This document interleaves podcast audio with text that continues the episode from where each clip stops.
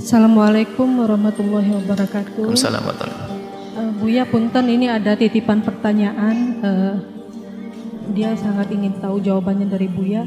Jadi uh, pasangan suami istri sudah nikah lama, tapi setiap bertengkar suaminya selalu bilang, kamu pulang aja ke rumah orang tua kamu. Berulang-ulang Buya, sampai nikahnya udah puluhan apa 20 tahunan ya. Dan itu apakah udah jatuh talak apa Baik. enggak? Tapi suaminya suka selingkuh Bu ya, makanya setiap ketahuan dan ditanya kalau udah terpojok selalu bilang kamu pulang aja. Itu Bu ya. Assalamualaikum warahmatullahi wabarakatuh. Baik, yang ada dua yang harus kita jawab dalam pertanyaan satu. Yang pertama adalah cerai itu ada yang namanya soreh terang-terangan, biarpun guyonan tetap jadi. Ada seorang suami menyanjung istrinya, sambil menyanjung-nyanjung tak tahu ngomong engkau aku cerai. Guyonan jadi biarpun guyonan tapi kalimatnya engkau aku ce cerai. Karena soreh. Tapi kalau kinayah tuh kalimatnya itu mengandung makna yang lain.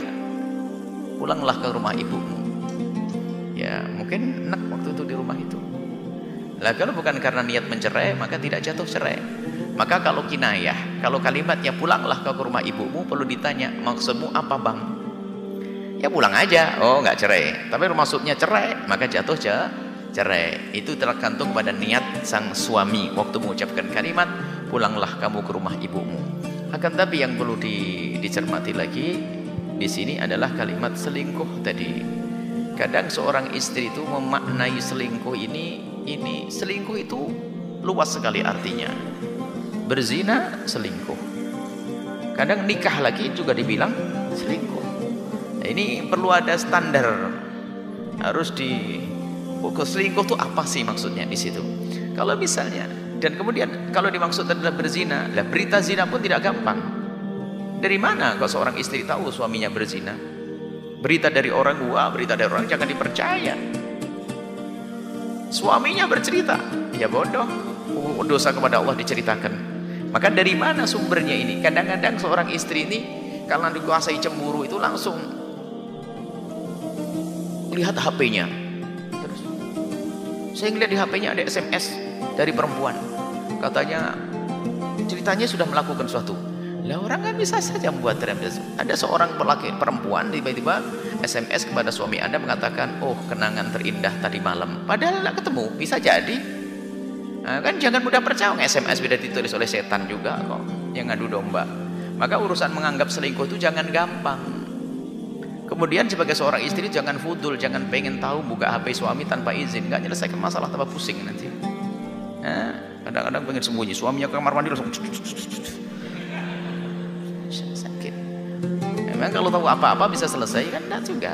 Jadi baik, jadi makna selingkuh harus waspada ya, jangan gampang seorang istri mengatakan suamiku selingkuh misalnya.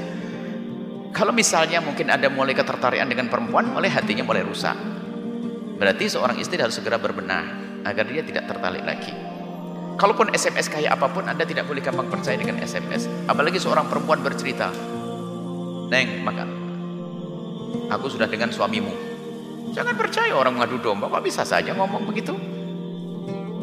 Dia pengen rusak. Tak taunya betul anda, apa seorang istri terpengaruh, rubat di rumah, seneng dia. Hmm, aku baru ngomong gitu sudah rusak tuh.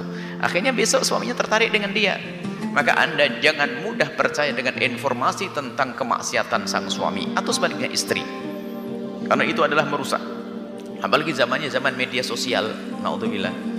Dan anda tidak perlu banyak tahu kalau anda merasa ada rasa tidak nyaman tentang suami yang bukan anda perlu mencari-cari akan tapi anda perlu memohon kepada Allah dan memperbaiki servis anda pelayanan kepada suami hubungan lebih dekat lagi sampai dia lupa dengan kemaksiatan yang sudah direncanakannya Jangan membuat peperangan. Begitu juga seorang suami.